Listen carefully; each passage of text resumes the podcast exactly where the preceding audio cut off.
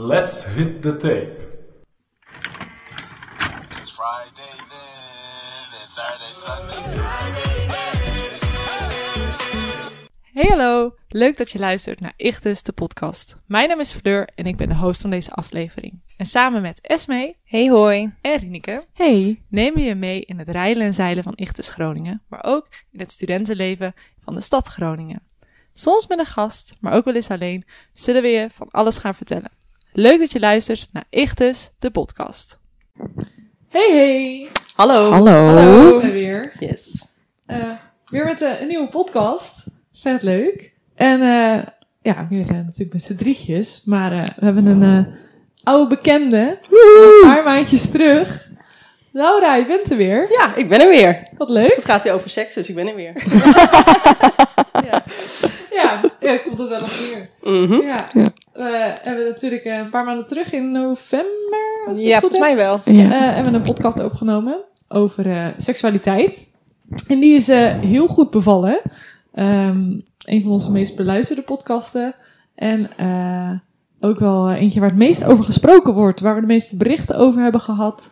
Dus dat vinden we heel leuk. Eh blijf het ook vooral eh, doen. Blijf ons berichtjes erover sturen. Ehm, en we gaan het deze keer er dus weer over hebben. Omdat nou, aan de hand van de vorige podcast zijn er best wel wat eh, vragen nog binnengekomen. Het- kunnen jullie het daar en daar nog over hebben? Of jullie dit en dit nog bespreken?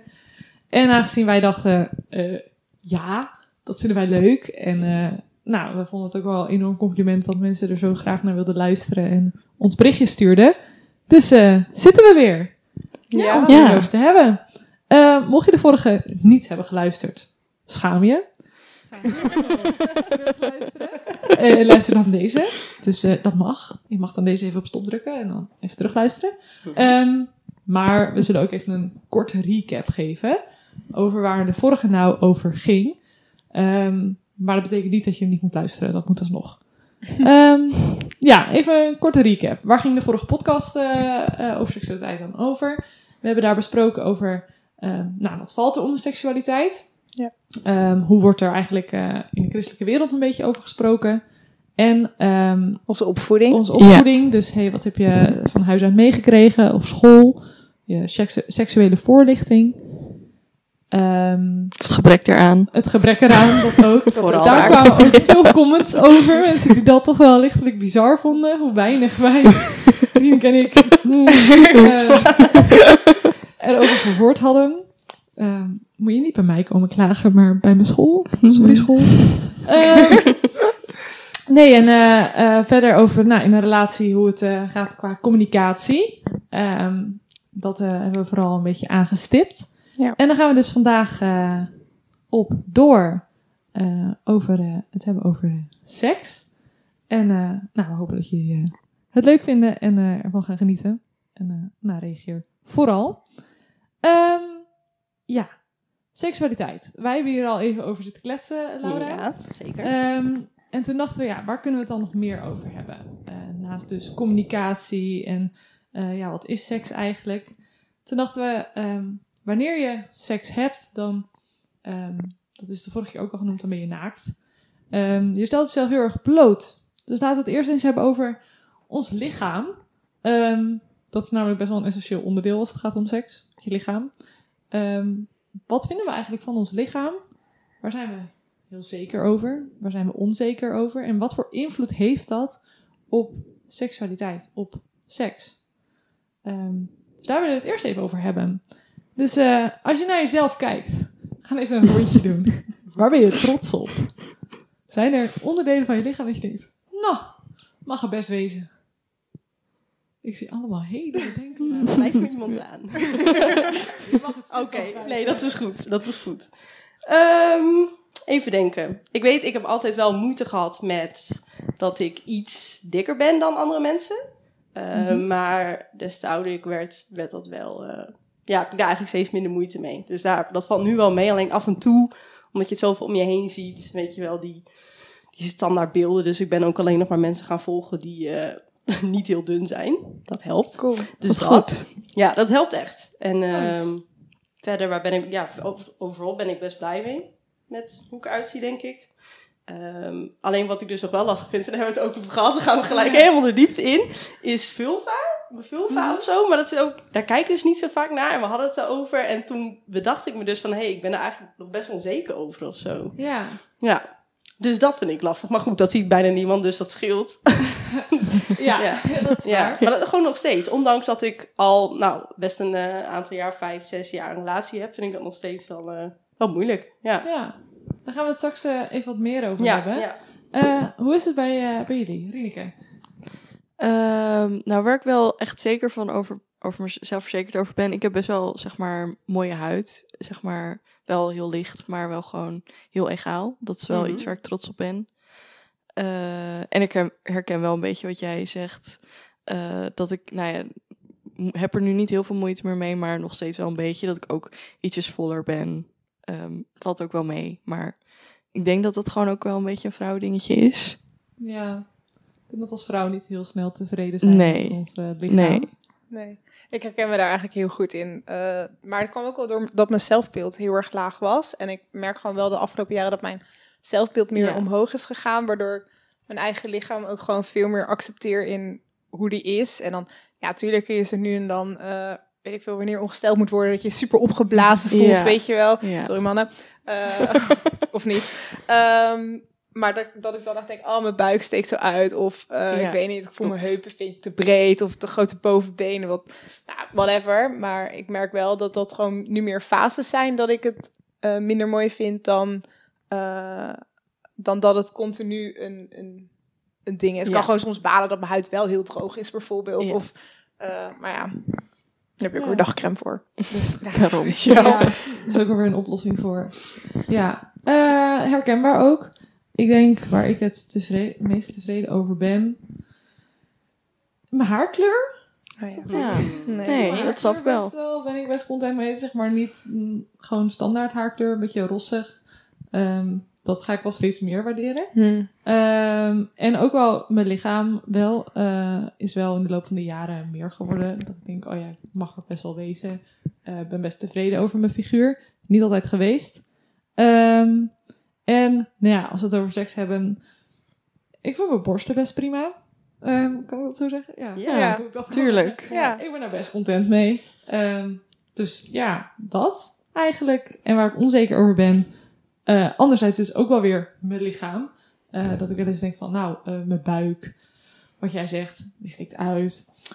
Dat vind ik niet altijd niet zo even mooi. plat. Het is niet zo Ja. plat. Of, ja. eh, ik zou wat meer buikspieren willen hebben. Ja. Of eh, nou, die onzekerheden. Ehm, maar ja, dat wordt ook wel minder in de loop van de jaren. Zodat ik wat meer confidence krijg in hoe ik eruit zie. Ehm, dan even, eh, daar ben ik wel benieuwd naar. Ehm, volgens mij is het de relatiestatus nog onveranderd.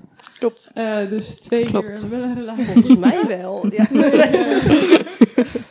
Nou, wij weten twee, eh, twee al niet. Ik ben even benieuwd dan naar jou, Lara. Ehm, sinds je een relatie hebt, is eh, je zelfbeeld of je zelfverzekerdheid naar je lichaam daarin veranderd? Ben je zelfverzekerder geworden of juist onzekerder? Hmm. Ik denk dat ik me eerst heel erg bewust van ben geworden dat ik op sommige punten onzeker ben. Waar ik dan eerder misschien niet zo mee geconfronteerd werd, heb ik dat dan, of had ik dat meer. Toen langzamerhand is het steeds meer geworden. Maar ik weet niet of dat door mijn relatie kwam. Maar ik denk dat ik daar dus eerst heel erg bewust van werd en toen zelf aan ben gaan werken. Dus, nou ja, en ook dus bewust bijvoorbeeld op Instagram bepaalde dingen niet meer ben gaan volgen.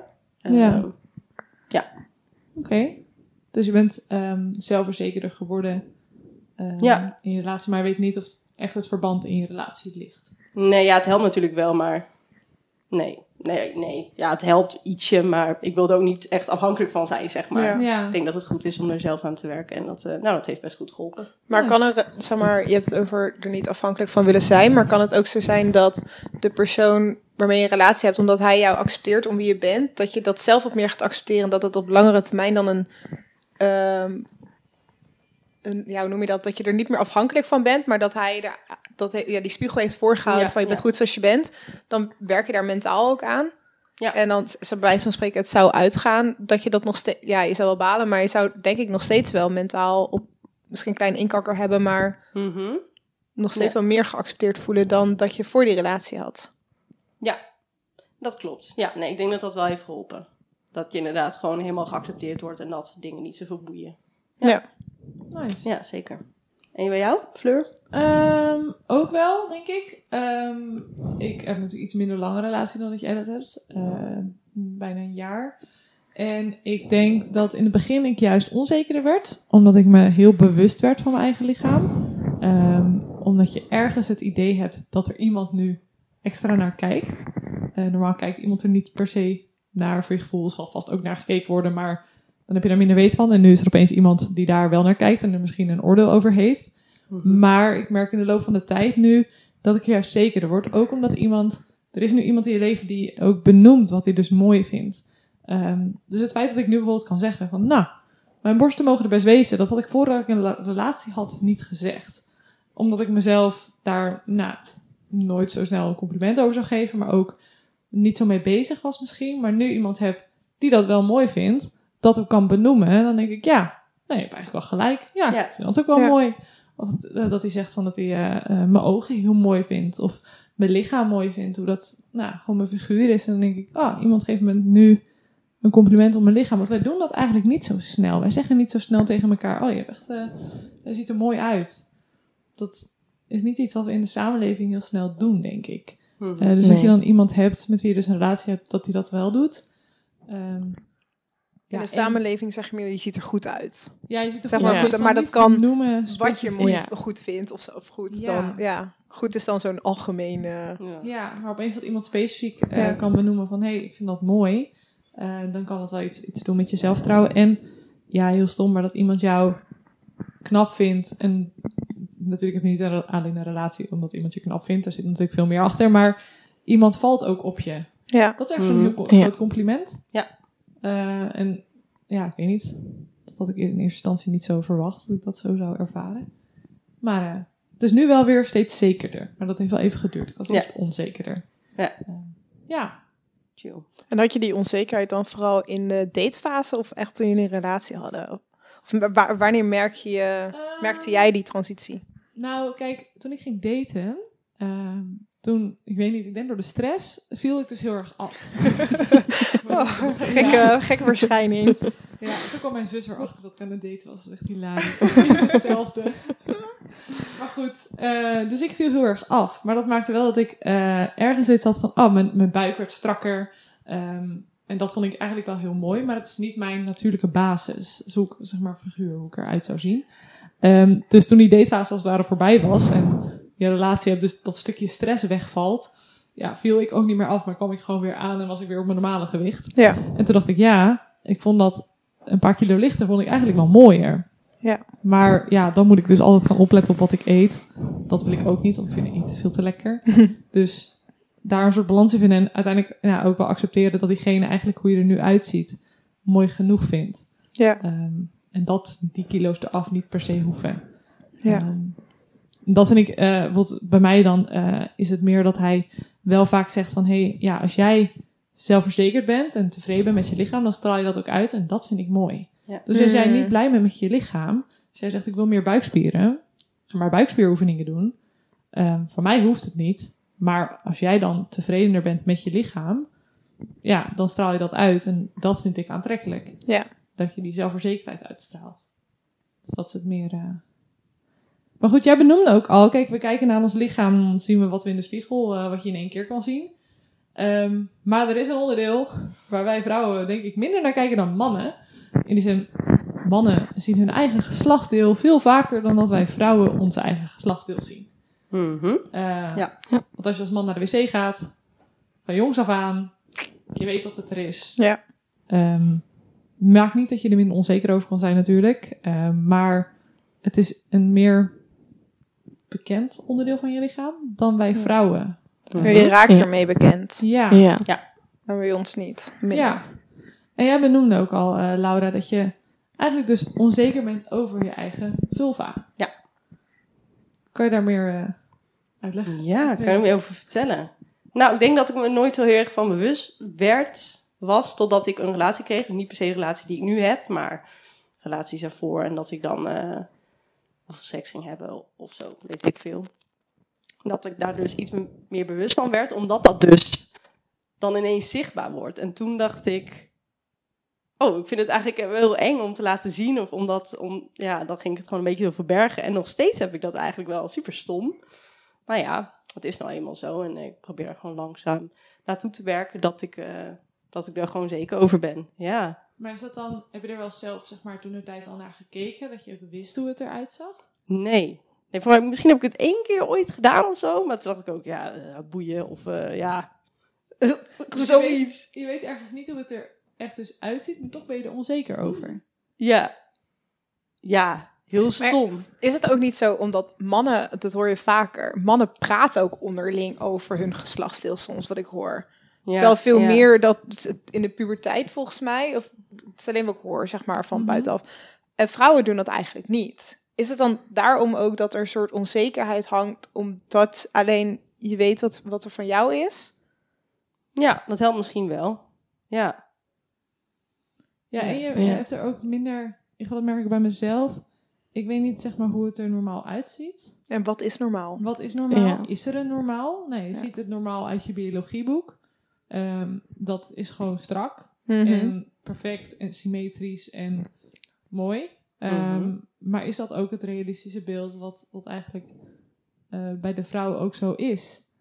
Ehm, ik weet niet, hebben jullie eh, wel eens naar jezelf gekeken? Jawel. Jawel, ik was wel ja. nieuwsgierig. Ja. Ja. En wat vonden jullie ervan?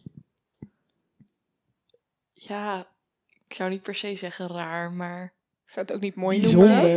Zeg maar, Ja. ik zou het niet mooi noemen, ik zou Ja. het niet lelijk noemen. Het, is, het, het zit er. En toen Ja. dacht ik, nou oké, ik weet nu ook wel daar zit en we gaan Ja. door met het leven. Ja, Of zo, het klinkt heel Ja. stom, heel Ja. zwart-wit. Maar, Maar dat is misschien ook wel goed, toch? Want het, het is heel erg die, die beweging dat je positief moet zijn over je lichaam. Maar ik denk dat het al best een overwinning kan zijn. En dat probeer ik zelf ook, om gewoon neutraal te zijn. Dus niet negatief te zijn. Dat betekent niet Ja. dat je het super mooi hoeft te vinden of helemaal nou, dat geweldig vindt. Maar als je het al gewoon oké vindt, is dat misschien ook al wel goed. Ja. Ja. Ik denk dat dat ook wel eh, ja, mooi is. ja. Ik vind het ook wel mooi dat van die kunstenaars. Ik wil, probeer hem snel op te zoeken. Je hebt een eh, Braziliaan, eh Perna, Pernambuco volgens mij. En die werkt bijvoorbeeld heel veel met vulva door middel van fruit te benutten. En volgens mij heb je ook van die andere Mm. kunstenaars die mallen maakt van vulva's van vrouwen. Of gewoon op de foto zet. Ja. eh, om te laten zien van jongens. Er is meer dan je eigen vulva, maar ook gewoon om te laten Ja. zien dat het normaal is en dat, het, dat je lichaam ook gewoon een vorm van kunst is. Ja, op Ja. Instagram En dat vind ik heel eh, mooi. Ook een account, die heet de Vulva Gallery. Die, die Ah. tekenen heel veel vulva's. Dus ik zie dus al mijn tijdlijn zo Oh. opeens zo'n vulva bloep, voorbij komen. Ja, ja dat is Ja, best verhelderend. Het maakt wel dat je er eh, het normaler gaat vinden om het te zien. Ja. Want dat merkte ik, dat toen ik het zag, dat ik echt dacht, mm, oké, eh, ja, nou dit is het dan. Wat jullie zeggen, neutraal. Ja, Ja. ook wel neutraal. Ja. Nou, heb ik het geluk. Ik werk in de zorg. Ehm ouderenzorg. Eh, en daar was ik mensen. Eh, vet leuk, eh, als bijbaan. Ehm, dus ik zie er genoeg, maar die zijn wel ouderen. Dus dan is al snel wat je zelf hebt. Een stukje strakker. mooier. Ja. Ja. strakker dan eh, dat van de mensen die je wast. Mhm. Maar goed, het is wel iets... Ja, ik denk dat er ook een heleboel zijn. Ik weet niet, misschien als je luistert en je hebt nog nooit gekeken naar jezelf. Ga dat eens een keertje Ja. doen. Ook als je man bent. Ook als je Ja. man bent. Ja. Ga er gewoon een keer naar kijken. En je hoeft er niet per se wat van te vinden. Maar er gewoon naar kijken. Van, nou, hoe ziet het er nou eigenlijk uit? Wat zit er eigenlijk allemaal? Want dat was voor mij ook een... een dat ik dacht, oh ja, wat, wat zit er eigenlijk allemaal? Hoe zit het er precies in elkaar? Ehm, nou, weet hoe je er zelf uitziet of zo. Ja. Weet je wat ik wel altijd heel stom vind? Is dat alles met het woord schaam is. Zeg maar Ja. schaamhaar, schaamlippen. En dan als je dan het vertaalt naar het Engels is het wel pubic hair, weet je wel? Dan denk ik, Ja. maar waarom moet het schaam heten? Ja, Ja, heel stom. Nou, dan ga je er al voor schamen. Ja, Ja. het is iets wat je bedekt en tussen je benen zit. En Ja. ja, zeg maar, we mogen er best wel wat meer eh, van laten zien. eh, of laten zien, niet naar de mensen om je heen, maar zelf. Dat je het zelf mag zien en eh, het niet als iets heel geks gaat zien of zo. Ja. Ja. Dus gewoon accepteren. Het accepteren dat het er is. Ja. Ja. Precies. En eh, er goed voor zorgen. Dat is ook belangrijk. Eh, want dat vergeten we ook wel eens. Omdat het dus iets is wat je wegstopt, zorg je er ook niet altijd even goed Goeie. voor. Ja. Eh, en dat is ook wel belangrijk. eh, om gewoon goed voor je eigen lichaam te zorgen. Ehm, maar ja, je zei ook al van, eh, nou, toen je in een relatie, eh, dan is dat misschien ook iets wat, wat zichtbaarder wordt. Eh, dan kan je uiteindelijk op het punt komen dat iemand eraan zit of het uiteindelijk te zien krijgt. Ehm, ja, hoe ga je daar eigenlijk mee om met dan de onzekerheid die je er misschien over hebt, over je eigen lichaam? Hmm. Goeie vraag. Ik denk als ik naar mezelf kijk, dan werd ik er dus bewust van. Oh, ik ben hier onzeker over of ik verberg het. Dus dan ging ik dat zeggen. Maar ja, dat, het is niet alsof mijn vriend dan, dan daar iets mee moet gaan doen of zo. Ja, die kan wel zeggen van, oh ja, ik vind het mooi of ik vind het prima. Maar ja, uiteindelijk moet ik het toch zelf geloven. Dus ehm, ja, ook, ook wat ik zei met dat ik meestal iets dikker ben. Of tenminste, misschien ben ik wel gemiddeld, maar iets dikker dan, dan dat je denkt. Ook hiermee ja, is het denk ik belangrijk dat je het gewoon zelf gaat accepteren inderdaad. Ja. Het is ook goed om af en toe zelf te bekijken en dat je er gewoon wat meer bekender mee wordt. Ja. Ja. Ja, want we hadden het er van tevoren al even over dat we zeiden, ja, wanneer je in een relatie komt, kan het zijn dat onzekerheden, en dat hoeft niet per se over je lichaam te zijn, maar ook over wat je kan, of gewoon, nou, bepaalde onzekerheden kunnen naar voren komen wanneer je in een relatie komt en wanneer je Ja. seks hebt. Mhm. Ehm, hebben jullie dat wel eens ervaren, dat je een relatie misschien kwam en eh, dat bepaalde onzekerheden, kan dus echt van alles zijn, eh, meer naar voren kwamen, dat je er tegenaan liep? Hmm. Ik zeg maar, wij hebben daar wel eens een gesprek met elkaar over gehad. Eh, toen ik in een relatie zat, toen was ik eigenlijk best wel heel erg zelfverzekerd.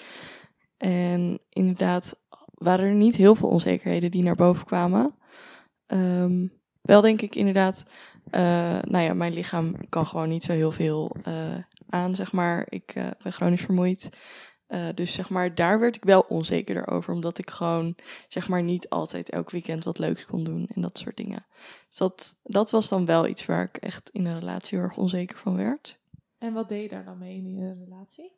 Ja, dat toch wel ter sprake brengen. En dat was voor hem helemaal geen probleem. Maar in je eigen hoofd maak je er gewoon een heel groot probleem van. En denk je dat je niet leuk genoeg bent, omdat je niet elke keer wat wil gaan doen. Dat je soms gewoon, nou ja, een dag in je bed moet blijven liggen, omdat het gewoon nodig is. Ja. Dat soort dingen. Ja dat, ja, dat merkte ik wel. Maar voor de rest merkte ik ook wel dat ik juist heel erg zelfverzekerd werd. Ook wat jij zei, inderdaad.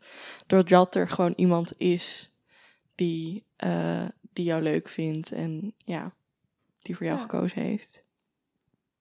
Ja, ik herken het ook wel. Dat ik merk dat ik in mijn relatie dus wel onzeker ben geworden over dingen die ik kan. Omdat ik het heel belangrijk vind wat hij er dan van vindt. Dus dat hij vindt dat ik nou, op dit moment een goede voorzitter ben. Dus dat ik goed kan besturen en dat de keuzes die ik maak, dat dat goed is, zeg maar. Zodra hij er een mening over heeft of vindt dat het eigenlijk anders moet, dan vind ik dat heel erg. En kan ik daar Ja. extra onzeker over worden of mijn keuze wel de juiste is geweest.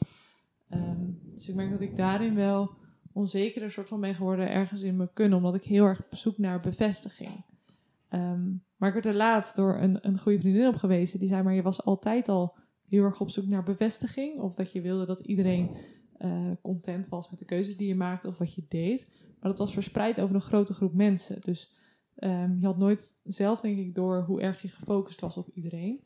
Maar nu ben je gefocust op één persoon. En vind je het belangrijk wat één persoon van je vindt. En heb je zelf opeens door dat je daar zo gefocust op bent. Snap je wat Ja. ik bedoel? Ja. Ja, Dus ik ben Ja. heel erg nou, bijna een soort afhankelijk geworden van zijn mening en wat hij vindt van wat ik doe. Terwijl ik eigenlijk moest- gewoon moet denken: ja, het is, als ik achter mijn eigen keuze sta en denk dat het de juiste is geweest, dan is dat ook goed. Natuurlijk maak je dan wel eens een fout, maar Ja. het hoeft niet van hem af te hangen. Ja, super interessant toch? Dat, dat dan dingen eigenlijk altijd terugkomen in je relatie, maar ook in seks. Dingen waar je eigenlijk al mee dealt, zoals wat ik bijvoorbeeld ook heel erg had. Is dat ik het soms moeilijk vind om mensen tot last te zijn. Dat wil ik niet. Dus dat kan dan terug in mijn relatie, maar ook weer in seks. Omdat ik dan al heel snel mezelf een beetje wegstopte en dacht van, nou, ik ga iets bij hem doen. Of nou, meer met hem bezig zijn, zeg maar. Ja, Dat is zo grappig. Dat, dat kun je in seks of in een relatie ook niet wegstoppen of zo. Dat komt dan gewoon naar boven. Ja, ik herken dat ook wel. Ik ben heel erg iemand die heel graag de ander dus tevreden wil houden. Dus heel erg gefocust ben op wat de ander fijn vindt en dat de ander het leuk heeft. Waardoor je dus jezelf wegzet. Ehm, en in eh seks zie ik dan dat ik eh, sneller over bepaalde grenzen heen ga. Omdat ik denk dat die ander ehm, al een stapje verder wil. Dus eh, Hmm. al iets meer wat dan dat ik eigenlijk wil. Maar dan denk je, ja, maar als ik dat dan nu niet doe, dan vindt hij me misschien wel niet meer leuk. Dus ik moet dat dan eigenlijk wel doen. Want dan vindt hij me nog steeds wel leuk. Dan Ja, heeft hij het nog wel fijn. Ja. Ehm, maar dus niet op jezelf letten, maar juist heel erg op de ander. Eh, wat eigenlijk helemaal niet nodig is. Want als je gewoon in een gezonde relatie zit, dan hoeft dat helemaal niet. Mhm. Dan hoef je niet over je eigen grens heen te gaan. Eh, vooral op het gebied van seksualiteit niet. Eh, omdat de ander het ook goed vindt om aan jouw grenzen te houden. Ja. Ja, zo heeft mijn vriend bijvoorbeeld ook, die heeft best wel veel last van faalangst. En dat komt dus ook naar boven in relatie natuurlijk enorm, maar in seks ook. Super irritant, vind ik. Maar ja, weet je, ik, ik snap het wel en ik snap waar het vandaan komt. Maar ook dat komt weer naar boven, dus ja. Kan niet uitschakelen. Nee. Nee. Herkennen Helaas. jullie dat ergens? Dat is dat soort dingen dus terug kunnen komen in eh, seks. En we hebben nu heel, we zeggen Ja. elke keer het woord seks. Misschien is dat ook even goed om, om wat eh, context toch even aan te geven. Want we hebben in de vorige podcast een beetje gedefinieerd wat dat dan Ja. was. Seks is meer dan penetratieseks. Eh, althans, als wij het woord gebruiken hier. Ja. Eh, dus daar valt ook gewoon bepaalde handelingen aan elkaar zitten. Ehm, oraal. Ja. Je, daar valt meer onder. Mhm. Ehm, dus dat hoeft niet de penetratie te zijn. Je kan ook prima soort van de seks hebben zonder penetratieseks. Zeker. De andere honken, Ja, om in ja, termen te spreken. Maar er- herkennen jullie daar ook dingen eh, in? Dat bepaalde onzekerheden over je- van jezelf of van de ander juist terugkomen in, eh, in seks. Of daten. Daten, ja. Ehm, ja, nou, ik moet wel nadenken. Dat van zomer dus gedate. En ik merkte wel dat ehm, ik toen wel echt heel onzeker was over mijn lichaam ook. Maar ik merkte ook wel dat er wat dingen waren die we van elkaar niet volledig begrepen of accepteerden. Dus dat eh, speelde voor mij toen ook een best wel grote rol om mezelf eh, mentaal en letterlijk bloot te geven, zeg maar. En ehm, toen eigenlijk toen we besloten hadden om te stoppen met daten, toen voelde ik me eigenlijk veel chiller. ja. Dus, Hm. of toen zat ik lekker in mijn vel. En misschien is dan ook wel dat stukje dat je dan ehm, ehm, even de aandacht hebt gehad. Dat iemand, eh, ik bedoel, het is niet dat we zeiden we stoppen met daten omdat we elkaar niet leuk vinden. Maar er waren gewoon waar we eh, ja, eh, overeenkwamen van hey, in de toekomst gaat dit gewoon niet werken. Er zit gewoon te veel hobbels in de weg. Dus, dus je merkt wel van, nou, iemand vindt je leuk, dus je gaat wat lekker in je zel- vel zitten. Dus, ehm, dus ik was heel erg bang dat ik daar afhankelijk van zou worden. Maar toen het klaar was, voelde ik me eigenlijk nog steeds lichamelijk positief, zeg maar. Als daarvoor. En toen dacht ik, oké, het heeft dus heeft misschien net even dat ene zetje durven geven dat ik gewoon voor mezelf beter kon functioneren. Ja.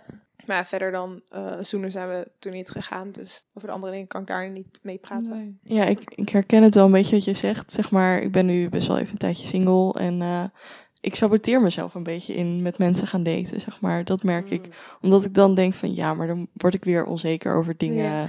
en dan moet ik me daar weer druk over gaan maken. Eh, dus ja, dat, dat is wel iets, denk ik, wat ik ook wel herken. Ja.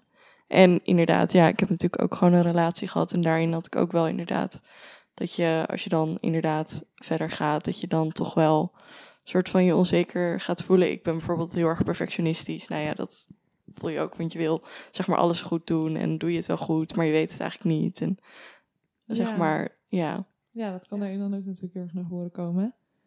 Ehm, nou, het belang daarvan is dat je het dus wel bespreekbaar maakt in de relatie of in de datefase. Van dat je merkt dat je ergens onzeker over wordt of bent. eh, of nou, dat dingen wat moeilijker gaan. Eh, ik denk dat dat heel belangrijk is om, om te doen met je partner. Ehm, maar praten jullie ook wel eens met... Wij praten nu met elkaar natuurlijk over seks. Maar praten jullie wel eens met anderen over, echt over seks. Over wat je van dingen vindt, eh, hoe je over dingen voelt. Anderen dan je partner. Eh, ja, maar ja, goed, dat weten jullie wel. Maar ik merk nu wel steeds meer, omdat ik misschien lang een relatie heb en dan iets meer dingen meemaak of nou, weet ik veel, dat ik toch sommige kleine onderwerpen een beetje vermijd. Zoals wat ik net Hmm. zeg, iets over ik ben onzeker over mijn vulva. Nou, dat heb ik echt nog bijna niemand verteld. Want je- ik weet niet, dat vind ik niet fijn om te zeggen en dat is gewoon kwetsbaar, denk ik. Ja. Ja, Sommige dingen kan ik heel makkelijk bespreken, maar toch een paar kleine dingen ben ik me opeens bewust van dat ik dat dan niet doe. ja, Dat, dat zou ik, eh, en af en toe merk ik wel eens, als iemand anders over begint, dan denk ik, oh, wat een opluchting, wat chill. Maar waarom heb ik dat niet zelf eerder gedaan, weet je wel? Ja. En jullie? Ja, ik heb wel vriendinnen waar ik over praat, buiten Ichtes ook vooral. Eh dat vind ik gewoon heel fijn om eh, een niet-christelijke vriendin bijvoorbeeld ook heel erg. Dus dat vind ik ook wel gewoon heel erg leuk. Die komt ook gewoon naar mij toe, ik kom naar haar toe met vragen. Eh, maar ook andere vriendinnen die dan wel in een christelijke relatie zitten om er dan over te kletsen inderdaad. Maar dat, ik weet niet, ik vind dat zelf gewoon ook heel erg fijn, omdat ehm, ik weet nog wel met de avond van Kokkie Drost vorig jaar, is ze weer in de podcast, ehm, is het ook wel van, ja, praat erover. Toen kwam ik eigenlijk ook achter hoe weinig ik erover praatte, maar ook hoe niet steady ik in mijn eigen, in mijn eigen mening stond, zeg maar, en wat zou ik willen. En door dat nu wel te gaan doen, ben ik veel meer gaan nadenken, ook over nou, dat hele stuk tussen zoenen en het letterlijk penetratieseks hebben. Ehm, dat is voor mij het grootste dingetje waar niet over gepraat wordt in de christelijke wereld. Mhm. En waar ik de Ja. grootste vragen Ja. had en de grootste dingen van, ja, maar wat zou ik doen? Oh, zou ik dat wel doen, weet je wel? En ehm, ja, Wat zijn dan eigenlijk de vragen die we daarover hebben? Want dat stukje grijze gebied, dat was iets wat, wat mensen ook zeiden aan de hand van de vorige podcast. Mhm. Van hé, hey, ehm, er zit zoveel tussen zoenen en de penetratieseks. En vaak wordt seks dus gezien als het stukje penetratie. Maar er zit dus heel veel tussen. Maar daar wordt niet over gesproken. ja. Waarom doen we dat niet? En wat zouden we er dan eigenlijk over willen bespreken? Ja, mensen vinden het denk ik eng omdat het dan meer in detail gaat. Dan moet je opeens oraal zeggen of eh, pijpen zeggen of zo. En dan krijg je een beetje angst. Of gaat giechelen. Ja. dat doe ik zelf ook wel. Ik denk dat het daar misschien een beetje eng is. Ja. En ik denk dat iedereen ook gewoon vooral heel erg nieuwsgierig is of zo. Dat ze gewoon willen weten van ehm, iemand in een relatie van eh, doe jij, wat doe jij, weet je wel? En dan is het- Ja. heb je Ja. seks, dan is het veel makkelijker om te zeggen nee, want dat mag niet, weet je wel? Of dat is, mag niet vanuit mijn opvoeding of de standaard zinnetjes. Maar alles wat daartussen zit, dat wordt dan eigenlijk een beetje weggenomen. En dat wordt dan weer een heel vaag gebied. Dus ik, daarom Ja. denk ik dat er weinig over gepraat Ja. wordt. Ja. Ja, terwijl we allemaal dan ook wel weer ergens van elkaar weten of zo. In ieder geval Vermoedens hebben. verwachten. Ja. Oh ja, maar wordt her en der heus wel een beetje gevoeld. Ja. Het is niet dat, dat, dat er niks gebeurt. En het is ook heel gezond, lijkt mij. Ja. Mhm. Ik bedoel, het is wel een- op een manier bouwen aan elkaars relatie op een heel ander vlak. Ja, en elkaar daarin leren kennen. Je leert elkaars lichaam kennen. eh, maar ook weer nou, bepaalde onzekerheden, kwetsbaarheden die daarin naar voren kunnen komen. Ja. Ik, ik heb nog wel eens gedacht, of wel meegekregen, denk ik, vanuit huis of kerk. Op de een of andere heb ik dat beeld dat al die dingen die daarvoor zijn, orale seks en eh, dingen met je handen en weet ik wat allemaal, dat dat soort van slecht is, omdat dat meer gericht is op lust of zo. Op de een of andere manier zit dat ergens nog heel diep, die Ja. gedachte in mijn hoofd. Ja. Omdat zeg maar met seks, dan, dat doe je echt soort van tegelijk en samen. Terwijl eh, vingeren of zo, dat is echt iets wat je dan bij één iemand doet. En dat is dan misschien meer gericht op lust, dus slecht. Ja. Ja. Ja, dat ik ik heb ook wel dat zelf. ja. ehm, nou ja, ik vind dat dat niet zo is. En als je die, die mening hebt dat je dat niet wil doen, is dat natuurlijk prima. Maar ik heb er zelf wel veel aan gehad om dat af te leren, die gedachten. Omdat je dan, nou inderdaad, zoals jij net zegt, elkaar meer leert kennen, elkaars lichaam leert kennen. En ook denk ik een mooie manier is om je seksuele relatie een beetje op te bouwen. Ja. Is Ja. het ook niet omdat eigenlijk ehm, van origine ergens wordt gedacht: oké, seks, dat is om je voor te planten. Dat is iets, Ja. dat is een soort. Ik wil het nog net geen taak noemen, maar wel Ja. iets zeg maar Opdracht, dat hoort. opdracht, je plant jezelf voort. ehm, daar heb je seks voor nodig. Dus dat seks heeft een doel. Ja. Ja. Maar je hebt niet altijd seks met alleen het doel kinderen krijgen. Want dan heb je niet heel vaak. Eigenlijk seks. nog nooit. nee, nee, Ehm, klopt. En, en zeg maar, alles wat daarvoor zit, ehm, dat heeft niet als doel kinderen krijgen. Nee, dat heeft als doel genieten. Ja. Ja. Ehm, en de ander laten genieten. Ja. Ehm, dus dat is misschien dat daar de gedachte van, oh, maar dat kan niet en dat hoort Ja. niet en dat, dat mag niet Ja. of dat is slecht, want dat is niet zoals ons geleerd is waar seks voor is. Ja. Want dat bereik je Ja. er niet mee. Nee. En ik denk dat het ook wel interessant is. We, zien dan penetratieseks als het ultieme. En dat ook een beetje met die honken, weet je wel. Eerst zoenen en dan handen en dan mond, en, dan zoiets. seks. Ja, dan volgens mij is dat het, ja. Terwijl op die, op die manier zet je natuurlijk ook penetratieseks neer als het ultieme. Terwijl volgens mij Ja. voor heel veel mensen dat niet eens het fijnste is dat er is. bijvoorbeeld heel veel vrouwen kunnen Ja. van penetratieseks volgens mij niet eens klaarkomen. Dus Mhm. Dat, dat vind ik ook gewoon zo interessant, dat het zo in ons hoofd zit van dat is dan het ultieme. Dat zijn de stapjes die je neemt Ja. ook in je relatie. Je gaat eerst naar de handen, dan even, Ja, even ja. voelen, kijken, that's it. Wat op zich ook wel logisch is, Ja. want ik vind penetratieseks ook wel heel intiem en misschien wel het intiemste, maar Het hoeft niet Ja. het fijnste te zijn. Nee. Dat het intiemste is, hoeft niet per se daarmee hetgeen te zijn waar je het meest van kan genieten. nee. Ja. Ehm, en dat, da- daarin is dan ook wel weer een verschil tussen man en vrouw. Waar de man van kan genieten en waar de vrouw van kan ja, genieten. zeker. Ehm, kijk, wij kunnen hier natuurlijk niet voor de man praten. Ehm, maar naar mijn weten kan een man meer genieten van bijvoorbeeld penetratie dan dat de vrouw dat kan. Een vrouw kan veel meer genieten van hetgeen wat ervoor gebeurt en soms ook daarna. Ja. Ehm, en nou, komt dus wat jij ook zegt, eh, minder vaak en minder snel klaar van penetratie. Ja, het verschilt heel erg per persoon. Ja. Ja. Maar als je heel erg geleerd wordt van seks is de penetratie en alles daarvoor is eigenlijk slecht, dan heb je best wel saai seksleven, denk ik. Ja, en ja. niet fijn voor in ieder geval de vrouw. Ja, ik, ik heb dus al een hele tijd geen penetratieseks, omdat ze dat hebben afgesproken. Omdat ze dachten, nou, we bouwen het op deze manier op en dit vinden we prima zo. Krijg ik wel, wel eens een reactie ook van vriendinnen. Heb je nog steeds geen seks? En dan, denk ik, of dan gaan mensen zeggen, oh, wat saai. En dan denk ik, nou, als jij dit saai vindt, dan moet je seksleven wel echt slecht zijn of zo. Nou ja, ik weet niet, dat is een oordeel, hè. Maar snap je, Ja. dat mensen dat daarover zeggen, dan denk ik, maar hoezo is het saai als ik geen penetratieseks heb? Dat slaat toch nergens op? Ja. Nee. Op de een of andere manier hoor ik dat zo vaak. Maar het is toch ook, zeg maar, raar om gelijk over te gaan op penetratieseks. Want Nee. Ja. Heel Dan is de hele ja. nodig. Ja, Ja. het hele voorspel. ja, precies. Ja. Ik dat denk- mis je gewoon heel erg. Als vrouw moet je ook wat natter worden. Ja, Ja, dat je je dan meteen... Dus ja. je meteen dat eh, soms ook nog gewoon eh, een soort slecht voor de vrouw, omdat je daarmee, als een vrouw niet nat genoeg is, dan kan het ook nog beschadigd raken, kan het zeer Mm. doen. ja. Eh, dus je hebt het ook nodig. Ah, een man moet natuurlijk ook stijf worden, maar bij een vrouw duurt het volgens mij iets langer. Ja, maar een, Ja. vrouw- een, een man kan soms alleen al van de gedachte. Eh, Ja, ja. een vrouw kan er ook Kan- nat van worden, heel maar nog niet nat genoeg. Vaak. ja, ja. Verschilt per vrouw, maar Ja. goed. Ehm, ja, er zit dus meer voor en daar wordt niet echt over gesproken. Nee, maar zelfs op scholen niet. Ik bedoel, vorige Nee. podcast hoorden jullie ook wel dat ik uit een best wel vrije middelbare school kom waar heel veel gedaan werd, seksuele voorlichting met condooms en zo.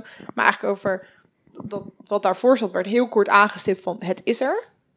En we hebben seks, weet je wel? Dat, dus vanuit scholen wordt er ook een soort taboe dan opgehangen. Ja. Ja. Nou, van je Ja. ouders wil je het eigenlijk stiekem niet weten, wat Nee. ja. zeg maar, denk ik, Ja. ik. Maar ja, Ja, je, leert, je leert niet hoe je ervan kan genieten. ja. Op zich Ja. kun je dat natuurlijk zelf uitvinden, maar ik wist bijvoorbeeld heel weinig over clitoris. Nou, dat vind ik, dat vind ik zo leuk iets. Je hebt daar van die leuke plaatjes van. Clitoris is veel meer dan zo'n klein puntje. Dat is echt helemaal Ja, onder. ja, ga maar eens googlen, jongens. Heel leuk. Ja, Ja. dat, dat heb je eigenlijk nooit geleerd. Maar ook voor een man, denk ik, is het misschien heel oppervlakkig. Zo van, nou, penetratieseks of eh, aftrekken of zo. Ja. Ja, is er veel meer dan dat. ja. Ja. En naast dat je dingen samen eh, kunt doen, eh, dus dat grijze gebied van, van samen, heb je natuurlijk ook het stukje wat je alleen kan doen. Dus ook als je niet in een relatie zit, of wel in een relatie, maar aan jezelf zitten, zelfbevrediging. Ja. Mhm. Dat is ook Ja. iets waar niet over gesproken wordt. Nee. Nee. Ehm, want daar hangt eigenlijk ook zeg maar de donkere wolk boven van dat mag niet. nee, Want Nee. gericht op lust. ja, op lust, je ego. Ja, Is dat gericht op lust? Eh, En waarom- Ik kan, ja. Ja. ja, daarom heb ik het heel lang niet gedaan. Ik heb daar toen een bestuurspeech over gehouden. Ik heb het mezelf altijd verboden, omdat ik dacht, het is slecht gericht op lust. En ik ga dat nooit doen.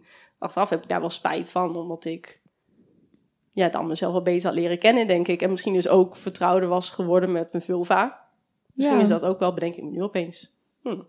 Nou ja, Ja, omdat je Ja. het dan wel leert kennen en ja, te achterhalen wat je fijn vindt. Hoe, ja. hoe kijken jullie daarnaar? Ja, ik, ik, zeg maar, ik, ik zie het niet. Ik ben daar niet oordelend over als iemand dat zou doen. Ehm, maar ik, want het- ik denk ook wel, het is je eigen lichaam. Eh behoeftes, zeg maar, je libido heeft er ook mee te maken. Mhm. Eh, Ja. Ik merk, ondanks dat ik geen relatie heb, wel last heb van een libido. En dat is voornamelijk rond mijn ijsprong. Dat is heel grappig. Het is echt heel gek. Ik ben Ja. er op een gegeven moment Dat achter gekomen. gek. Ja, maar ik ben op een gegeven moment... Kom je erachter, zeg Ja, maar, denk je... ja. Oh, weet je wel? En het is dus niet dat Daarom ben ik zo geil opeens. ja, dat zijn jouw woorden. Eh, nee, maar dat ik wel denk van, oh, nu snap ik ook de reacties van mijn lichaam op, op bepaalde dingen of zo. En dan, ik hoef er niet aan toe te geven. Maar ik heb ook zoiets van, ja, maar het is gewoon zo natuurlijk dat het er ook mag zijn, vind Ja, ik. Ja, ja. Ja. Ik heb er ook wel echt al heel lang als slecht over gedacht. Maar ja, dat komt ook een beetje doordat dat gewoon ja, je altijd wordt verteld. In de kerk, op school, dat soort dingen. Dus ehm, ja, en zeg maar op een gegeven moment kwam ik ook wel achter dat ik inderdaad wel had... Oh ja, maar daarom reageert mijn lichaam zo. En het- ik heb niet per se de behoefte altijd of zo. Of Mhm. nee. nee, niet, Nee, ja, heb ik eigenlijk niet. Maar zeg maar, ik vind het ook niet gek als iemand dat wel heeft. Ik heb zelf ook Ja. heel erg dat ik denk, bij een man kan ik het me een soort van voorstellen of zo. Dan denk ik, Ja. ah ja, ja, nee, dat gebeurt gewoon. Ja, mannen Ja. die masturberen. Punt. Ja, Heb ik geen mening over. maar dat daar is het er. sociaal geaccepteerd of zo. Ja, Ja. maar dat is nog steeds een ja. beetje een onder de um, Ja. Hoe ding. komt dat? Omdat daar meer over gepraat wordt of zo? Ik weet het niet zo goed. Ik denk dat een, een, eh, er misschien meer wordt gedacht, oh, een man heeft die behoefte meer. Maar dat Oh, ja, ja, hoeft niet zo te zijn. Een vrouw kan Ja. net zo goed die behoefte hebben, misschien wel meer. Dat verschilt gewoon per man en per vrouw. Mhm. Maar eh, ja, dat dat meer sociaal geaccepteerd. Terwijl ik ook niet denk dat mannen het er onderling nou heel erg over zullen hebben. Nee, maar op een Nee. grappige manier. Ja. Niet Maar het, Ja. het, is, het is er gewoon. Terwijl ehm, volgens mij eh, is er niet eens zo'n gigantisch groot verschil met hoeveel mannen en hoeveel vrouwen, zeg maar het percentage wat Nee. eh, masturbeert. Alleen bij vrouwen is het echt zeg maar een soort van in een donker hoekje weggestopt en niemand mag het weten. Ja. Mhm. Ehm, terwijl er dan wel weer voor de vrouw veel meer attributen zijn. Ja. Ja. Nou, dat vind ik goede compensatie, toch? Ja, ja. ja. maar het is wel zeg maar een soort gekke disbalans. Ja. Zeg maar. Dat is apart. Ja, Ja. klopt. Maar is het dan ook niet dat er, oké, vervolgvraag misschien echt een groot zijtak, omdat een vrouw ook moeilijker klaarkomt soms, of moeilijker kan klaarkomen, dat er daarom ook meer attributen zijn om het genot meer te stimuleren. Denk het wel. Ja. En Ja. het is misschien, ja, we hebben twee dingen die gestimuleerd, zeg maar, je kunt, je hebt echt die klit en je vulva waar je, waar je dingen mee kunt doen. Ja. Dus misschien ook wel makkelijker. Ja, dat, Ja. dat zou wel goed kunnen. Dat je daarom eh, meer attributen ervoor zijn. Maar ook gewoon vooral, ja, er wordt, er wordt niet over gesproken. Ja. Mhm. Je weet eigenlijk niet van mensen of ze wel of niet. Dat hoef je ook niet van iedereen te weten. Maar het zou fijn zijn als het wel bespreekbaar wordt. Dat als je Ja. er zelf een soort van mee zit. Van denkt, ah, ik merk dat ik de behoefte heb om aan mezelf te zitten. Maar ik vind het heel spannend. Of, hey, wat, is dit oké? Mag dit wel? Want wat ik ook hoorde laatst, ehm, dat is iets onder studenten. Er zijn best wel wat studenten die aan zelfbevrediging doen om van de stress af te komen. Oh. Die heb ik ook een keer gehoord. Dus om, Ja. als een soort stressrelief.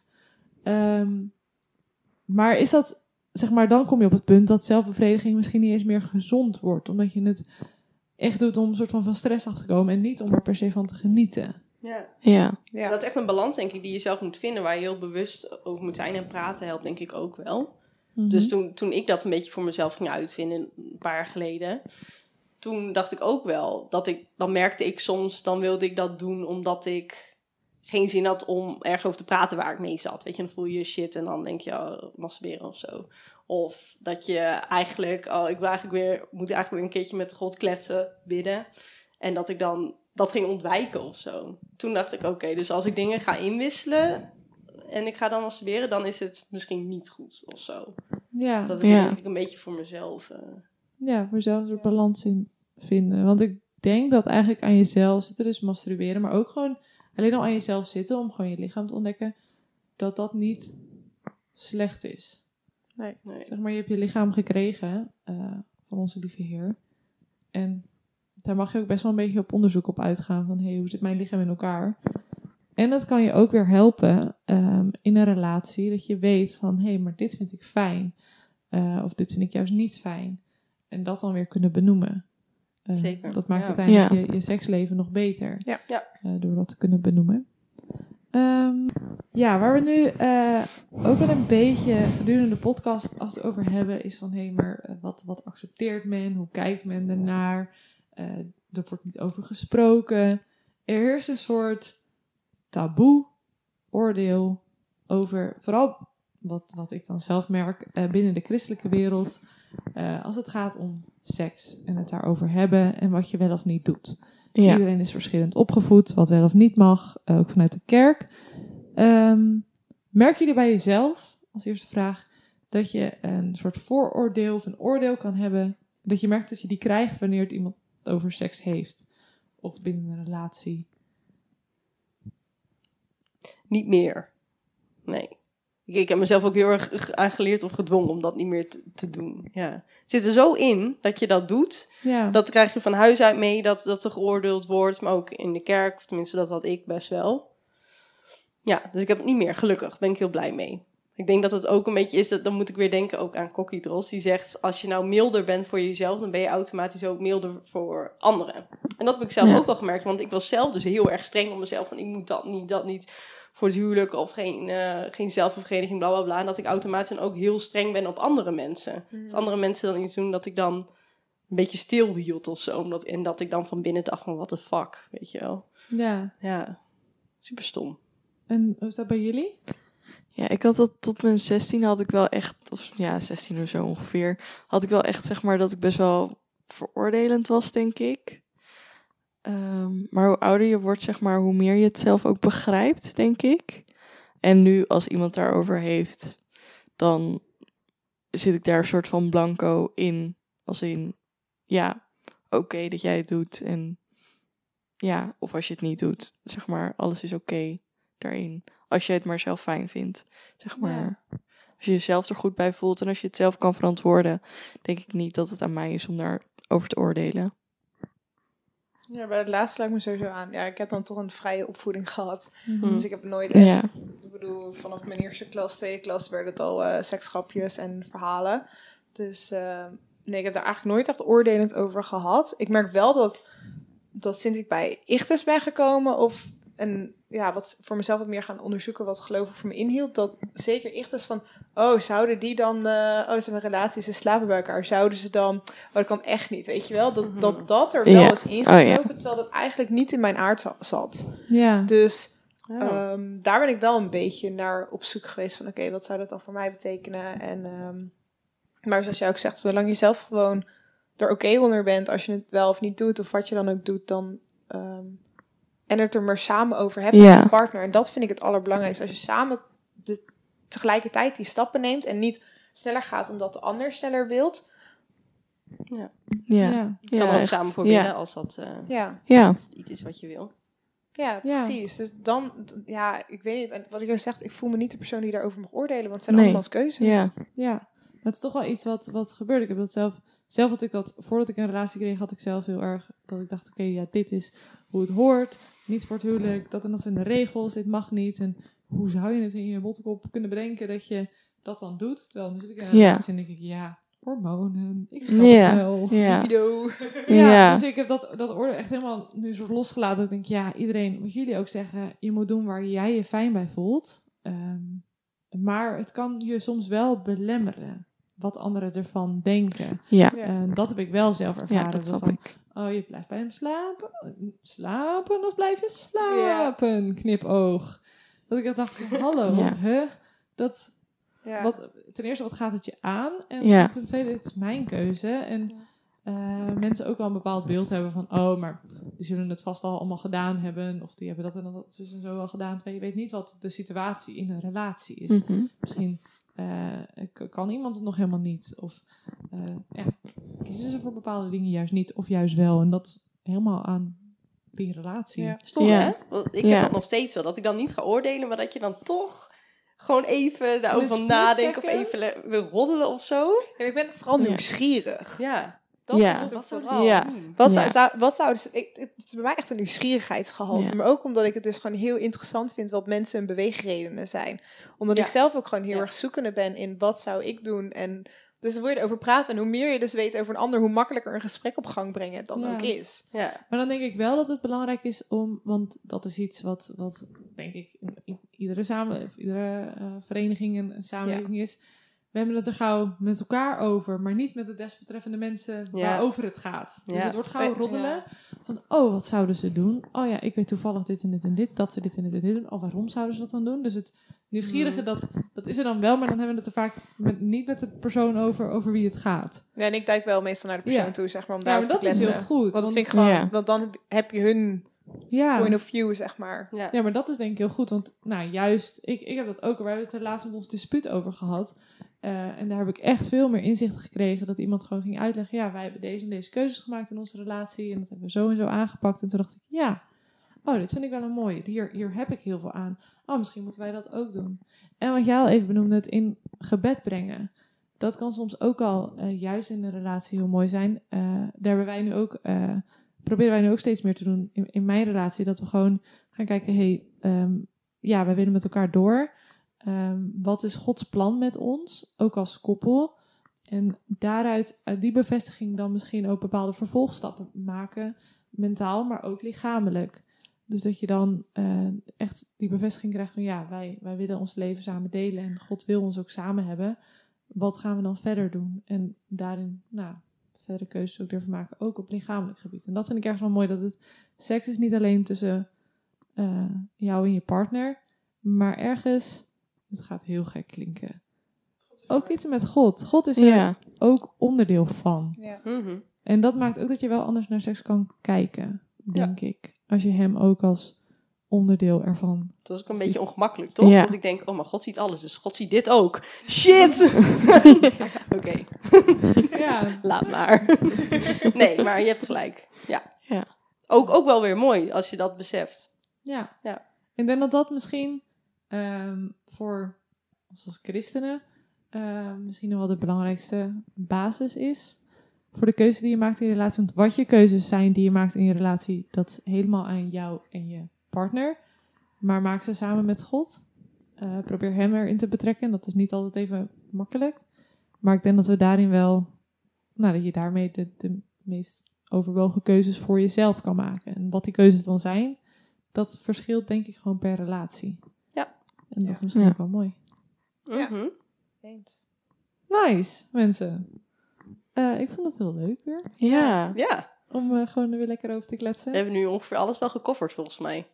Ja, nou mocht je dus veel. nog, nog dingen Veel. hebben dat je denkt dat moet nog besproken worden. Ja, of wil je juist Eh. dingen bespreken die wij hier open en eerlijk, zoals over zelfbevrediging Ja. of over andere dingen. Van, Ja. nou, je Ja. hebt nu vier mensen die er wel over praten. Ja. Ja, zeker. mocht je er zelf ook over willen praten of denken, hé, hey, ik kan op deze manier ook iets misschien bijdragen in de podcast, laat het ons vooral Ja. weten. Vinden wij vet leuk. Ehm, en, nou, durf het er ook met elkaar eh, lekker over te hebben. Ja. Dan eh, denk ik dat we hierbij eh, gaan afronden. Volgende maand nog even vertellen. Door de andere, denk ik. Ja, volgende Ja. maand wordt even anders. Heel anders. Ja, volgende- zijn wij er niet. Nee, Nee. volgende maand is het zonder ons. Ehm, zonder onze mooie hoge stemmen. Dan krijg je namelijk een aantal baarden in de keel. Ehm, Wij niet. wij niet. Dan eh, hebben we een podcast met alleen maar mannen. Ja, dat is best wel tof. Eh, want dat kwam ook naar voren. Dat, eh, kijk, wij zijn natuurlijk vier vrouwen eh, die over seks gaan zitten praten.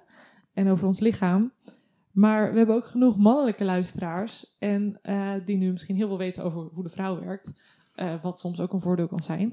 Maar het is soms ook goed om eh, als mannen onder elkaar eh, erover te hebben.